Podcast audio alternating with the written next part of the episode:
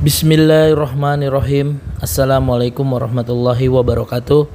Alhamdulillahirabbil alamin Wabihi nasta'in wa ala umuri dunia wa din Wa ala ali wasabbihi wasallim Asadu an la ilaha illallah wa asadu anna muhammadan abduhu wa rasuluh.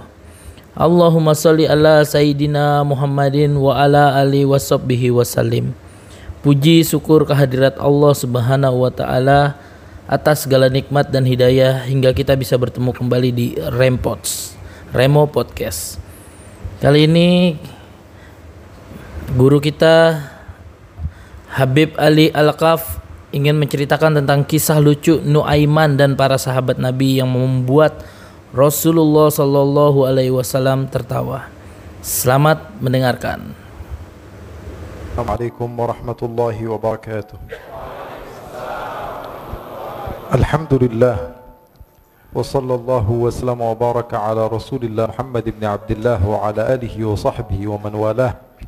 ولا حول ولا قوة إلا بالله.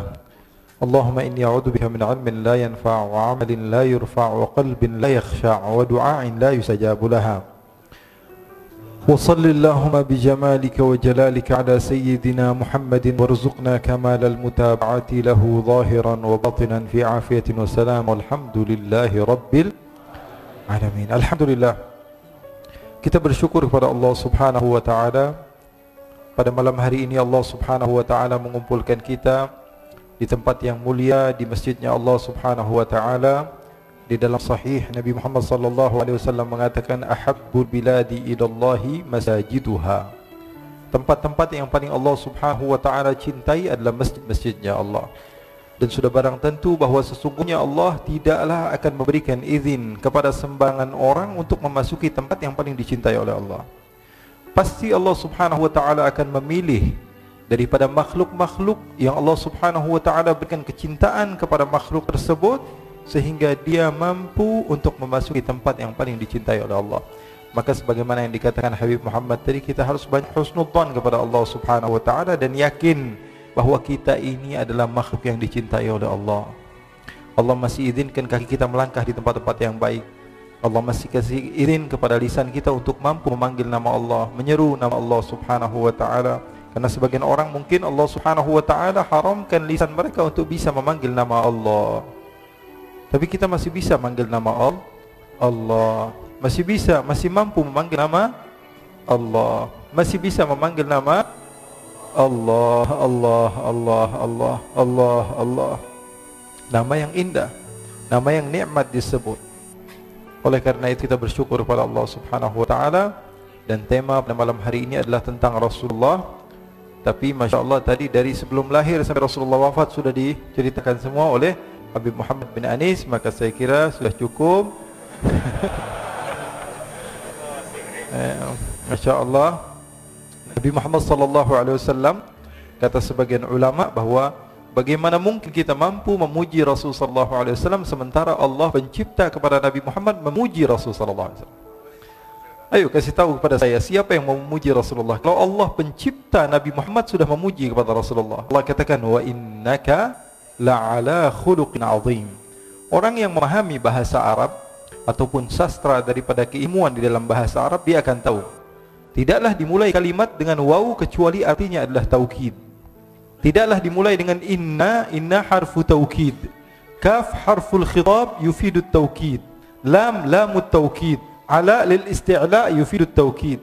Khuluqin azim itu dalam ilmu nahwu namanya na'ad dan man'ud yang juga berartikan taukid. Allah subhanahu wa ta'ala memuji Rasulullah. Seakan-akan Allah katakan Sesungguhnya engkau adalah orang yang paling Yang paling, yang paling, yang paling, yang paling Dan tidak ada selesai. Nabi Muhammad wasallam adalah makhluk yang paling dipuji oleh Allah. Kenapa kok Rasulullah wasallam dilebih-lebihkan? Kok Nabi-Nabi yang lain tidak dilebihkan? Ini perintah Allah. Baca Al-Quran. Allah katakan kadhalika faddalna ba'dahum Ala ba'd Begitulah kami kata Allah Subhanahu wa taala kami muliakan nabi yang satu daripada nabi yang lain. Kalau ada seorang nabi berdoa kepada Allah Rabbi syrah li sadri wa yassli amri ya Allah lapangkanlah dadaku Nabi Muhammad Allah katakan alam nashrah laka sadrak. Aku lapangkan dadamu sebelum kamu minta kepada aku wahai Muhammad. Sallu ala Nabi Muhammad. Kalau ada seorang nabi diceritakan bahawa Nabi Yusuf alaihi salatu wassalam ketika beliau hadir di satu tempat dan sahabat-sahabat Zulaikha dihadirkan, apel kemudian mereka memotong yang potong tangan jemari mereka, maka dikatakan wa sahbu Zulaikha law ra'ayna jabinahu la atharna taqti'ul qulubi 'ala al-aidi. Katanya kalau yang nampak yang hadir itulah Nabi Muhammad, bukan Nabi Yusuf, apa yang akan terjadi? sahabat-sahabat Zulaikha akan terpotong-potong hati mereka sebelum mereka memotong tangan mereka. Sallu ada Nabi Muhammad. Kalau ada seorang nabi yang berdoa kepada Allah mengatakan aini anzur ilaik, baca dalam Al-Qur'an, seorang nabi meminta kepada Allah, ya Allah, perlihatkanlah kepada saya wujudmu ya Allah. Arini anzur ilaik. Apa jawaban Allah? Lan tarani. Walakin anzur ila al-jabali fa in istaqarra makanahu fasawfa tarani. Allah subhanahu wa ta'ala katakan Tidak wahai Musa Kamu tidak akan pernah mampu melihat kepada aku Tapi seorang Nabi yang Allah subhanahu wa ta'ala mi'rajkan Allah jumpakan dengan Allah subhanahu wa ta'ala Dia masih belum yakin Apa benar saya tadi melihat Allah Kalau Musa saja Nabi yang agung Nabi yang hebat Nabi yang mulia tidak mampu melihat kepada kepada Allah Apakah saya mampu melihat kepada Allah Allah turunkan ayat Al-Quran Allah katakan kepada Nabi Muhammad sallallahu alaihi wasallam ma kadzabal fuadu ma ra'a Sesungguhnya tidak berdusta. Apa yang kamu lihat itu adalah benar-benar Allah Subhanahu wa taala. Sallu ala Nabi Muhammad. Dikatakan oleh ulama wala in qabalta lafzata lan tarani bima kadzaba al-fuadu fahimta ma'na. Kalau kamu mau membandingkan ada dua ayat, ayat lan tarani dengan ayat ma kadzaba al-fuadu ma ra'a, maka cukup bagi kamu mengetahui derajat Nabi Muhammad sallallahu alaihi wasallam begitu tinggi. Beliau Habib Muhammad tadi menceritakan kepada kita bahawa kita ini mulia menjadi umat Rasul sallallahu alaihi wasallam. Betul atau tidak? Kemuliaan ini kita tidak akan pernah tahu kecuali kalau kita membaca. Dan kita tidak pernah merasa kecuali ketika kita tahu. Terkadang sebagian orang dia tidak merasa dirinya mulia, kenapa? Karena dia tidak tahu dia orang yang mulia. Mutiara dia letakkan di jalanan karena dia tidak mengenal, maka dia akan menyamakan antara bebatuan biasa kerikil dengan emas. Bagi dia tidak ada bedanya. Kenapa? Karena dia tidak tahu. Dan kalau kamu mau membaca hadis-hadis Rasul sallallahu alaihi wasallam, kamu akan dapati bahwa umat-umat terdahulu berbeda dengan umat sekarang, umat Rasul sallallahu alaihi wasallam.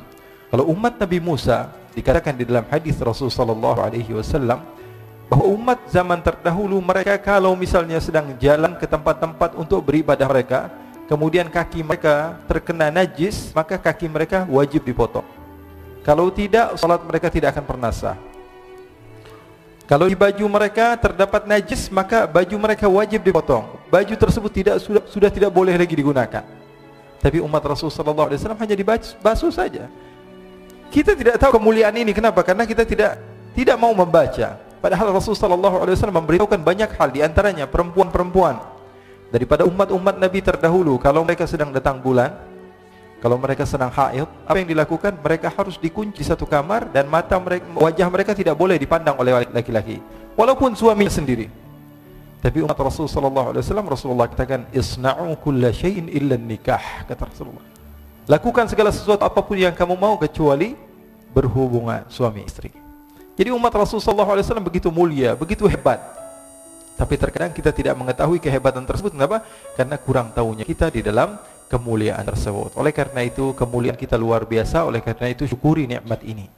Syukuri nikmat dengan keberadaan Rasulullah sallallahu alaihi wasallam bi akramir rusli kunna akramal umami. Karena Rasulullah sallallahu alaihi wasallam jadi mulia, maka kita jadi mulia juga.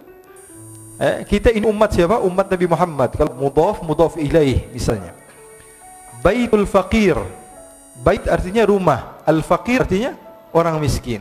Ketika rumah tersebut disandarkan kepada orang miskin, maka rumah tersebut menjadi hina.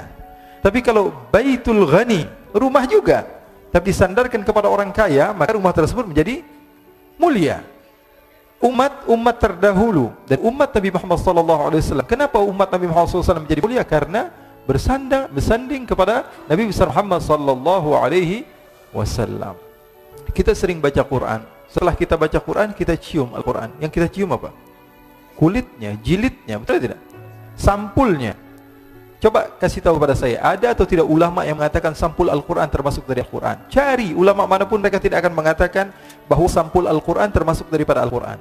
Al-Quran itu ya dari pertama tadi, ya, Bismillahirrahmanirrahim sampai Qul a'udzu birabbin nas. Sampul Al-Qur'an termasuk Quran atau bukan? Bukan termasuk Al-Qur'an, tapi kenapa kok kita setelah membaca Al-Qur'an kita tutup, kita cium sampul Al-Qur'an? Kenapa? Karena dia mulia karena dekat dengan hal yang mulia. Sallu ala Nabi Muhammad. Oleh karena itu ikhwani, akhwati, di mana pun kalian berada yang menonton juga ini di di alam nyata dan di alam gaib ya. Eh, jadi kita tidak akan pernah tahu kemuliaan kita kecuali setelah kita mengenal siapa diri kita.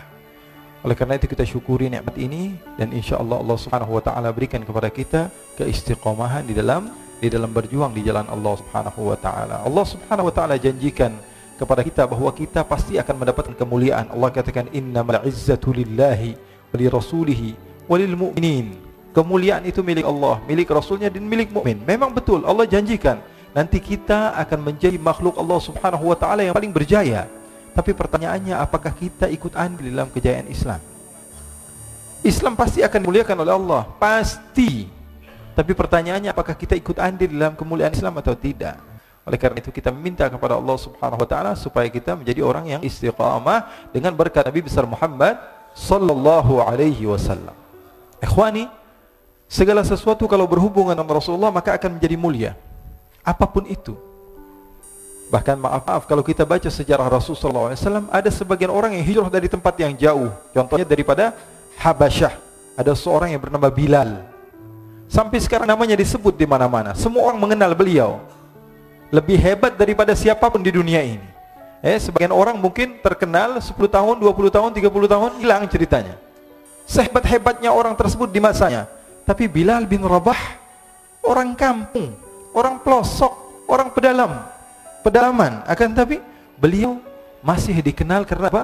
Karena menjadi sahabat Rasul sallallahu alaihi wasallam. Nabi Muhammad wasallam apa pun saja yang berhubungan dengan Rasul wasallam akan menjadi mulia. Bahkan Allah Subhanahu wa taala ketika berbicara yang dibahas tentang Rasulullah, Allah Subhanahu wa taala bedakan cara berbicara Allah Subhanahu wa taala kepada Rasulullah, mengajarkan kepada kita bahwa Nabi Muhammad adalah makhluk yang paling mulia. Allah katakan kalau memanggil Nabi Musa ya Musa, memanggil Nabi Isa ya Isa, memanggil Nabi Nuh ya Nuh, memanggil Nabi Ibrahim ya Ibrahim, memanggil Nabi Adam ya Adam uskun anta wa zawjukal jannata. Memanggil Nabi Isa ya Isa inni mutawaffika wa rafi'uka ilai. Memanggil Nabi Muhammad apakah ada kalimat ya Muhammad di dalam Al-Qur'an? Coba beritahukan kepada saya. Coba sekarang buka Al-Qur'an. Cari satu saja kalimat Allah memanggil nama Nabi Muhammad dengan nama. Ya Muhammad. Ada atau tidak? Tidak. Semua dengan laqab. Ya ayyuhan nabiyyu. Ya rasulu. Ya muzammil. Ya Allah Subhanahu wa taala panggil nama Nabi besar Muhammad sallallahu alaihi wasallam dengan nama-nama yang agung. Bahkan Allah Subhanahu wa taala letakkan kalimat-kalimat seperti tauhid tadi ketika Rasul sallallahu alaihi wasallam ingin dipindahkan kiblat yang dari, dari Baitul Maqdis menuju Makkah menuju Ka'bah Allah Subhanahu wa taala kabulkan kepada Rasulullah sebelum Rasulullah meminta. Allah katakan qad nara taqalluba wajhika fis samai fala nuwalliyannaka qiblatan tardaha fa lagi dimulai. Lam taukid lagi. Nun nuwalliyannaka tauqid thaqilah lagi. Kaf harful khitab lagi. Eh, jadi artinya apa? Allah Subhanahu wa taala mengistimewakan Rasul sallallahu alaihi wasallam. Kenapa? Karena Allah Subhanahu wa taala pilih Nabi Muhammad sebagai uswah. Allah katakan Nabi Muhammad adalah apa? Uswah. Kalau di dalam bahasa Arab sebenarnya orang yang diikuti itu qudwah qudwah itu apa orang yang diikuti. Contohnya dalam fikih mungkin kita baca syurutul qudwah. Ya. Tapi Allah Subhanahu wa taala sebutkan Nabi Muhammad uswah. Contoh di dalam segala hal. Dalam urusan duniawi, urusan ukhrawi. Nabi yang berjumpa dengan Allah, Mi'raj, berjumpa dengan Allah. Kalau kita masuk ke istana negara atau masuk ke tempat yang mulia menurut kita kita pulang-pulangnya udah belagu. Kita sudah update, kita sudah kasih tahu semua orang. Ini berjumpa dengan Allah Subhanahu wa taala pulang ke rumahnya ngelihat ada kucing dikasih minuman gelas yang sama Rasulullah minum dari kucing tersebut. Selalu ada Nabi Muhammad. Yang berjumpa dengan Allah Subhanahu wa taala turun ke bumi istrinya enggak bisa naik untanya karena uh, agak sedikit tidak tinggi istrinya yang bernama Sofia. Rasulullah SAW letakkan kakinya untuk dinaiki istrinya. Bahkan dalam riwayat punggung Rasulullah SAW dijadikan injakan untuk istrinya. Sallu ala Nabi Muhammad Bahkan Rasulullah SAW tidak malu.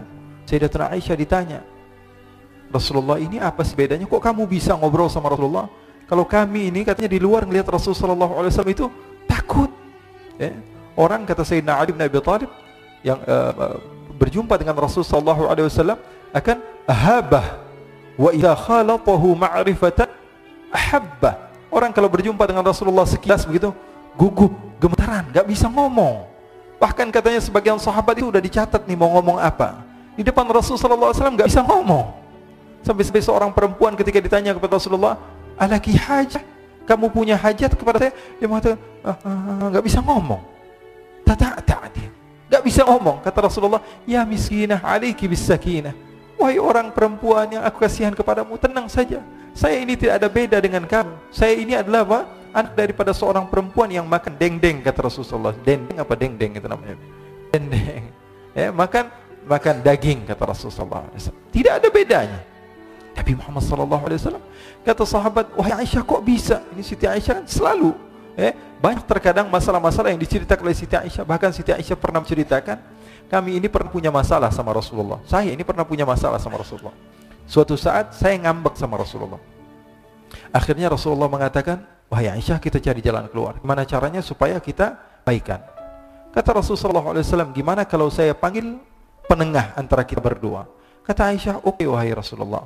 Kemudian Rasulullah mengatakan, apakah kamu mau Umar? Ah, Umar nggak mau, Umar orangnya keras. Apakah kamu mau Uthman? Uthman nggak. Uthman ini orangnya terlalu pemalu. Eh? Jadi Rasulullah menawarkan, apakah Ali bin Abi Thalib? Ali bin Abi Thalib uh, sepupu kamu dan menantu kamu ya Rasulullah pasti dia akan memenangkan kamu. Terus kamu maunya siapa? Abu Bakar As-Siddiq. Nah, Abu Bakar orang yang tepat katanya. Orangnya bijak padahal bapaknya sendiri. Eh? Siti Aisyah mengatakan apa? Ini orang yang bijak, orang yang tepat. Ya sudah panggil Abu Bakar. Dipanggil Sayyidina Abu Bakar As-Siddiq. Sayyidina Abu Bakar sudah malu nih di hadapan Rasulullah sallallahu alaihi wasallam. Ada apa ya Rasulullah?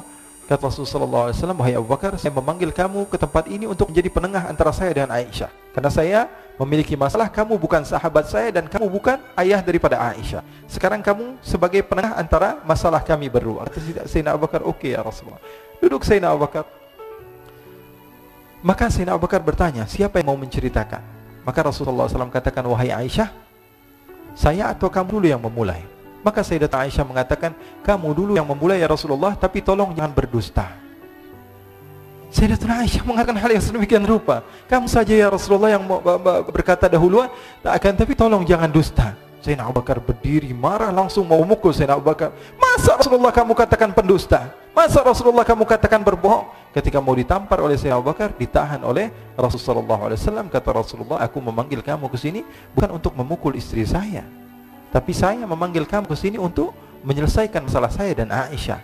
Maka larilah Sayyidina Abu Bakar disuruh pulang oleh Rasulullah SAW. Lalu Sayyidatuna Aisyah memeluk Rasulullah dan mengatakan, Rasulullah SAW katakan pada Sayyidatuna Aisyah, kamu lihat betapa hebatnya suami kamu menyelamatkan kamu dari musuh kamu.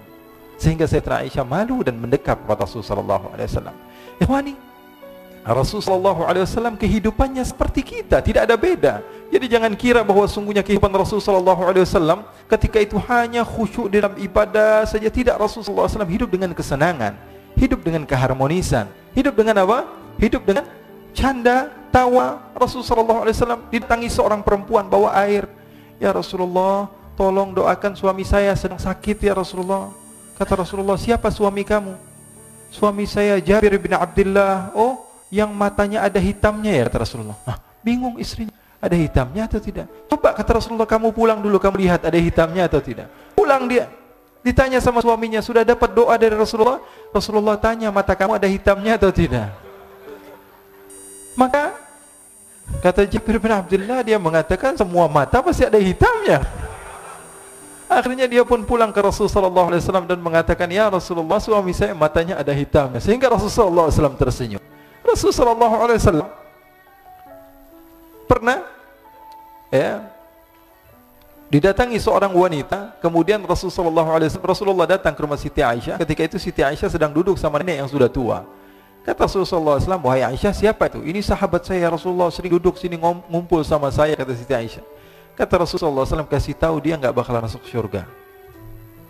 Dikasih tahu sama Siti Aisyah nangis ini nenek ini Akhirnya pulang ke rumahnya nangis terus menerus setiap hari sehingga dia tidak pernah datang lagi ke rumah Siti Aisyah. Rasulullah tanya, mana nenek-nenek yang biasa duduk sama kamu wahai Aisyah? Sekarang sudah selalu nangis ya Rasulullah. Kenapa? Karena dia dikatakan oleh engkau, "Ma yantiqu 'anil hawa in huwa illa yuha." Nabi Muhammad tidak mungkin berdusta. Nenek ini yakin dia tidak akan pernah masuk surga. Maka Rasulullah SAW tersenyum dan mengatakan, Wahai Aisyah, bukan itu yang kumaksud. Nanti kalau dia masuk surga, dia berubah, nggak jadi nenek-nenek lagi. Di, di surga tidak ada nenek-nenek, kata Rasulullah. Ini riwayatnya sahih. Bahkan, ikhwani, diriwayatkan oleh Imam Ahmad bin Hanbal dalam musnadnya, bahwa ada seorang laki-laki yang bernama Nuaiman. Ini Nuaiman, di kehidupan Rasulullah SAW, ada orang yang seperti itu. gitu. Orang yang sering minum minuman keras Rasulullah SAW marah, murka. Rasulullah kalau yang berhubungan dengan Rasulullah, Rasulullah tidak marah. Tapi kalau sudah berhubungan dengan agama Rasulullah SAW adalah orang yang paling marah, orang yang paling uh, istiqomah dalam kebenaran. Maka Rasulullah panggil Nuaiman, apa yang kau lakukan? Dia katakan, aku minum minuman keras ya Rasulullah. Rasulullah cambuk dia. Kemudian dia bertobat kepada Allah. Kemudian ketahuan lagi minum. Kemudian dicambuk lagi oleh Rasulullah SAW. Sehingga sebagian sahabat memukul dia dengan pukulan yang banyak. Sehingga apa yang berlaku? Sebagian sahabat mengatakan La'natullahi ala Nu'aiman Semoga Allah melaknat Nu'aiman Dia mempermainkan Rasulullah. Dia bilang sudah mau taubat tapi minum lagi. Dia bilang sudah mau taubat tapi minum lagi. Maka Rasulullah SAW mengatakan La tala'anuh Fa innahu yuhibbullah wa rasulah. Kata Rasulullah Jangan kamu laknat Nu'aiman Karena dia itu cinta sama Allah Cinta sama Rasulnya. Dalam riwayat dia dicintai Allah Dan dicintai oleh Rasulnya Muhammad Sallallahu alaihi wasallam. Ibn Majah menceritakan bahwa Nuaiman ini pernah suatu waktu diajak oleh Sayyidina Abu Bakar pergi ke negeri Syam. Negeri Syam itu di mana? Seperti yang diceritakan tadi, antara daerah Suria, Lebanon, Yordania, kemudian Palestina. Daerah seperti itu. Umumnya orang Quraisy pada masa itu mereka memiliki rehlah berdagang, membeli dagangan ke Syam, kemudian dijual lagi di kota Makkah. Ketika itu Rasulullah SAW didatangi Abu Bakar Sayyidina Abu Bakar mengatakan kepada Rasulullah, "Ya Rasulullah, saya mau izin ya Rasulullah." Mau apa? Saya mau ajak dua sahabat kamu ini ikut berdagang ya Rasulullah. Siapa kata Rasulullah? Aiman. Kata Rasulullah SAW, Aiman kamu mau ajak? Mau ngapain? Biar seru-seruan aja ya Rasulullah. Kata Rasulullah, ya sudah, saya izinkan kamu bawa Nuaiman. Ketika itu Sayyidina Abu Bakar membawa Nuaiman sama satu sahabat namanya Suwaibid ibn Harmalah. Siapa namanya? Suwaibid ibn Harmalah. Ini sahabat Rasul alaihi wasallam yang memiliki eh, sifat yang berbeda-beda. Kalau Nuaiman ini aneh. Pernah Rasulullah SAW dibawain makanan banyak, dikasih Rasulullah, dikasih sahabat semua. Semuanya sudah makan, tiba-tiba eh, si Nuaiman ini sahabat Nabi Nuaiman mengatakan kepada Rasulullah, "Ya Rasulullah, ini yang penjualnya, tolong kau yang bayar ya Rasulullah." Makanan udah habis. Makanan udah habis Rasulullah SAW bingung Saya yang bayar Akhirnya Rasulullah katakan kepada sahabat Ayo keluarkan uang kita patungan kita bayar Rasulullah aja mainin apalagi kita orang selalu ada Nabi Muhammad Nuaiman diajak Sayyidina Abu Bakar. Kata Rasulullah SAW benar kamu mau ajak Aiman? Iya ya Rasulullah. Diajak lah diceritakan dalam riwayat Ibn Majah. Diceritakan juga di dalam Syiar Alam Nubala diceritakan juga di dalam uh, musnadnya Imam Ahmad bin Hanbal. Dalam uh, riwayat Imam Ahmad bin Hanbal. Maka diceritakan Nuaiman diajak oleh Sayyidina Abu Bakar sesampainya di negeri Syam. Semua dibagi tugas. Fulan bin Fulan kerjaannya ini, Fulan bin Fulan kerjaannya ini. Semua memiliki kerjaan. Nuaiman tanya, wahai Abu Bakar, kerjanya saya apa wahai Abu Bakar? Kata saya Abu Bakar, kamu mau ngapain teruslah kamu wahai Nuaiman. Yang penting kamu ikut saya kan. Kemudian satu di antara mereka namanya Suwaibid ibn Harmalah. Tanya oleh Sayyidina Abu Bakar, wahai Suwaibid, kamu mau kerjaan apa? Kata Suwaibid, terserah kamu wahai Abu Bakar. Kata Sayyidina Abu Bakar, kamu menjaga makanan. Karena saya tahu kamu ini adalah orang yang senantiasa menjaga amanah. Suwaibid ini kalau disuruh maju dia maju, disuruh mundur dia mundur, disuruh ke kanan dia ke kanan, disuruh ke kiri dia ke kiri. Orang yang ikut aja. Kalau Nuaiman beda, disuruh maju dia ke belakang. Kasih sen kanan ke kiri belok. Eh Nuaiman itu orang yang berbeda. Maka Suwaibid mendapatkan tugas, semua mendapatkan tugas kecuali Nuaiman. Sehingga ikhwani, apa yang berlaku, apa yang terjadi? Sayyidina Abu Bakar pergi sibuk dengan kesibukannya sehingga datanglah waktu siang. Nuaiman sudah lapar. Nuaiman cari makanan. Dia nggak punya uang, diajak Sayyidina Abu Bakar tapi tidak diberikan uang.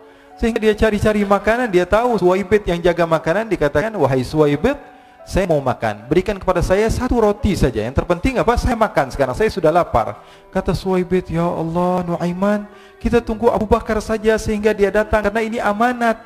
Amanah dari Abu Bakar saya tidak boleh berikan pada siapa pun kecuali atas izin Abu Bakar. Kata Nuaiman, kasih saya makanan, kalau tidak saya bikin masalah sama kamu. Merah wajahnya Suhaib karena dia tahu, jangankan saya Rasulullah jadi mainin. Bingung, apa yang harus saya lakukan? Akhirnya Nuaiman bilang, gampangannya, gampangannya aja kata Nuaiman, kamu kasih saya makanan atau kalau tidak kita saya bikin masalah sama kamu. Bingung Suhaibit pikir panjang. Setelah dia katakan ya sudah Nuaiman saya tetap mau jaga amanah Abu Bakar karena saya takut ini adalah perintahnya Allah perintahnya Rasulullah Sallallahu Alaihi Wasallam dan perintah daripada Abu Bakar sahabatnya Nabi. Kata Nuaiman kalau memang begitu kamu maunya ya sudah berarti kamu ngajakin berantem sama saya. Nuaiman pergi ke pasar.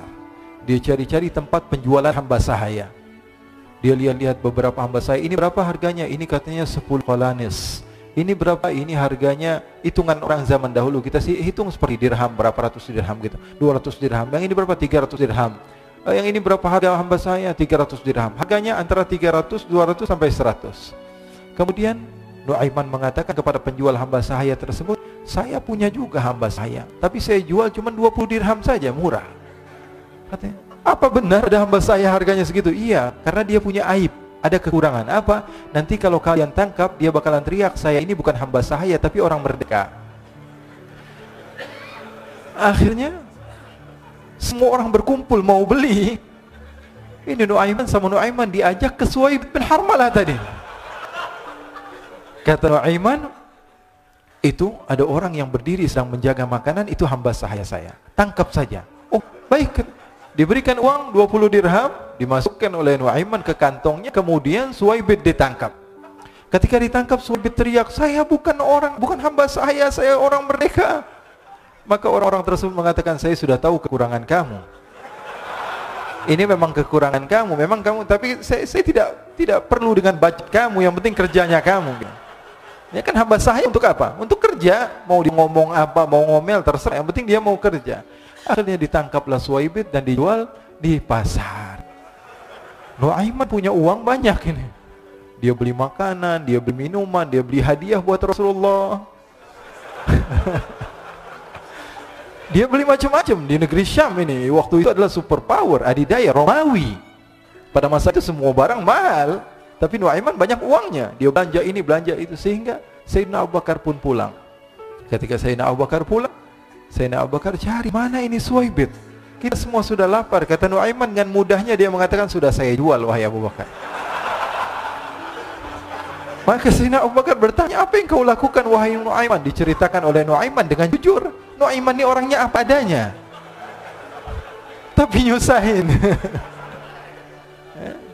Saya jual akhirnya dibawa oleh oleh Nuaiman Sayyidina Abu Bakar pergi ke mana ke pasar lalu dibeli lagi oleh Sayyidina Abu Bakar As-Siddiq Suwaibid yang tadinya orang merdeka menjadi hamba sahaya sebentar kemudian dibeli lagi oleh Sayyidina Abu Bakar. Pulang ke Madinah kisah ini diceritakan di hadapan Rasul sallallahu alaihi wasallam. Maka perawi mengatakan fadhahikan nabiyyu hatta badat nawajiduhu Ketika diceritakan kisah Nuaiman tersebut dengan Suwaibid Rasulullah tertawa sejadi-jadinya sehingga gigi geraham Rasulullah SAW nampak di wajah mata para sahabat. Sehingga perawi lain mengatakan satu tahun berlalu Rasulullah setiap ada tamu yang datang kepada Rasulullah Rasulullah akan ceritakan kisah Nuaiman menjual Suwaibit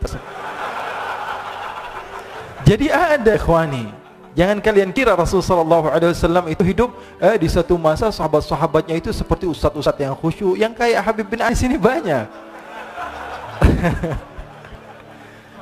Bahkan ikhwani mungkin di akhir karena masanya sudah habis Pernah suatu waktu Rasul sallallahu alaihi wasallam didatangi uh, asyraf delegasi dari beberapa negara yang ingin mengenal apa itu agama Islam. Sehingga mereka datang kepada rumah Rasul sallallahu alaihi wasallam membawa unta kendaraan yang ketika itu kendaraan yang paling mahal mereka miliki, untanya yang paling mewah. Diikat di depan rumah Rasul sallallahu alaihi wasallam. Tamunya pun masuk duduk bersama Rasul sallallahu alaihi wasallam.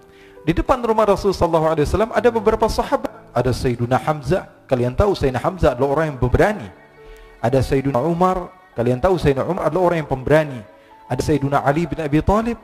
Ada Sayyiduna Sa'ad bin Abi Waqqas. Empat sahabat ini lagi nongkrong gitu depan rumahnya, rumahnya Rasul sallallahu alaihi wasallam. Berjaga sebelum Allah Subhanahu wa taala turunkan ayat wallahu ya'simuka minan nas. Ketika mereka sedang asyik duduk, tiba-tiba Nuaiman datang. Ini Nuaiman kalau datang pasti bikin sesuatu yang aneh. Bahkan dikatakan tidaklah Rasulullah SAW dalam keadaan bersedih kecuali Nuaiman datang Rasulullah akan tersenyum. Jadi sebagian sahabat itu senang kalau sudah Nuaiman datang, pasti Rasulullah bahagia. Tapi ketika itu Nuaiman datang, ingin duduk bareng-bareng Sayyidina Hamzah. Sayyidina Hamzah katakan kepada Nuaiman bercanda begitu. Nuaiman kamu lihat unta orang datang dari luar Arab ini. Lihat kata Nuaiman, ini besar banget ini badannya, badannya besar gitu. Dagingnya pasti banyak. Iya ini kalau kita sate enak nih ntar malam. Kata Nuaiman, Kata Sayyidina Hamzah, ah apakah kamu berani? Kata Nuaiman, saya berani aja asal kalian gak bilang sama Rasulullah.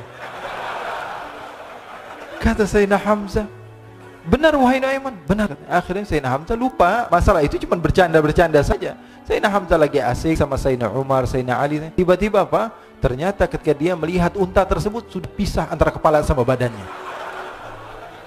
Nuaiman mengatakan, wahai Hamzah, ini unta saya sudah potong, saya mau pergi sebentar kalau Rasulullah cari saya, tolong jangan beritahu di mana saya. Nanti kalau keadaan sudah aman, mari kita nyate bareng-bareng. Ini ada yang seperti itu di zaman Rasulullah SAW. Maka dia pun berlari, berlari dan berlari mencari satu tempat supaya Rasulullah SAW eh dia dia selamat daripada Rasulullah SAW. Sehingga Sayyidina Hamzah bingung ini kalau Rasulullah keluar gimana? Ada Hamzah Asadullah ada Ali bin Abi Thalib, ada Umar tak bisa jaga kendaraan tamunya Rasulullah sallallahu alaihi wasallam. Akhirnya benar apa yang terjadi ikhwani? Rasul sallallahu alaihi wasallam tamunya mau pulang. Ketika dia buka pintu tamu melihat apa? Untanya sudah begitu, maka teriak, "Wa naqatah unta kami, unta kami wahai Muhammad." Baru mau kenal Islam, unta kami, kendaraan kami sudah dibuang.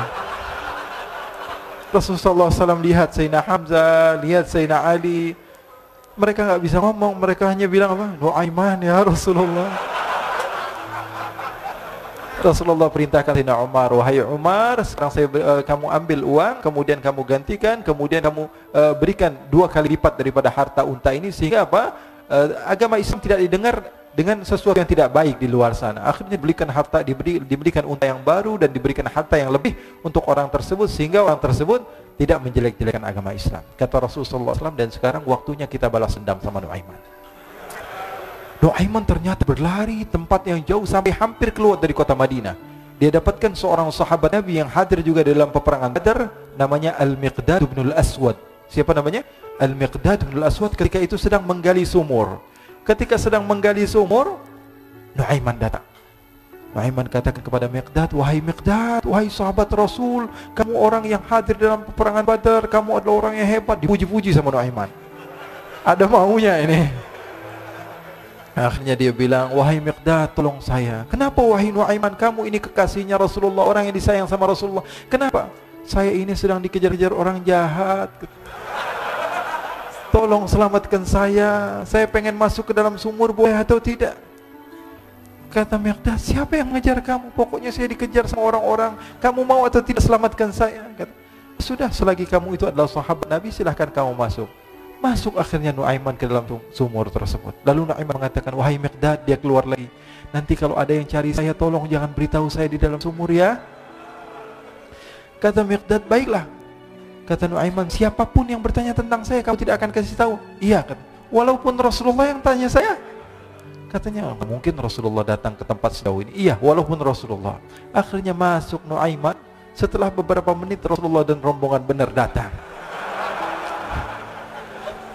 Miqdad bingung ini. Ini kenapa Rasulullah datang ke RW kami nih? Ada apa ini Rasulullah sampai sejauh ini? Ditanya, ya Rasulullah, ada apa ya Rasulullah? Kata Rasulullah, saya cari Nuaiman. Di mana Nuaiman? Innalillah kata Miqdad. Enggak dijawab ini Rasulullah. Kalau dijawab saya ingkar janji. Akhirnya apa dia katakan? Wahai Rasulullah, mata saya tidak memandang kepada Nuaiman tapi tangannya nunjuk ke dalam sumur. Sahabat. Apa dia bilang? Mata saya tidak melihat kepada Nuaiman tapi tangannya nunjuk ke sumur. Akhirnya dibuka sama Rasulullah, Nuaiman muncul. Kata Rasulullah, Nuaiman kamu bikin malu saya, wahai Nuaiman. Ya Rasulullah, yang bersalah bukan saya, tapi orang yang mencari saya bersama kamu ya Rasulullah. Akhirnya Rasulullah nengok siapa? Ternyata Nuaiman sudah lari kabur. Sallu ala Nabi Muhammad.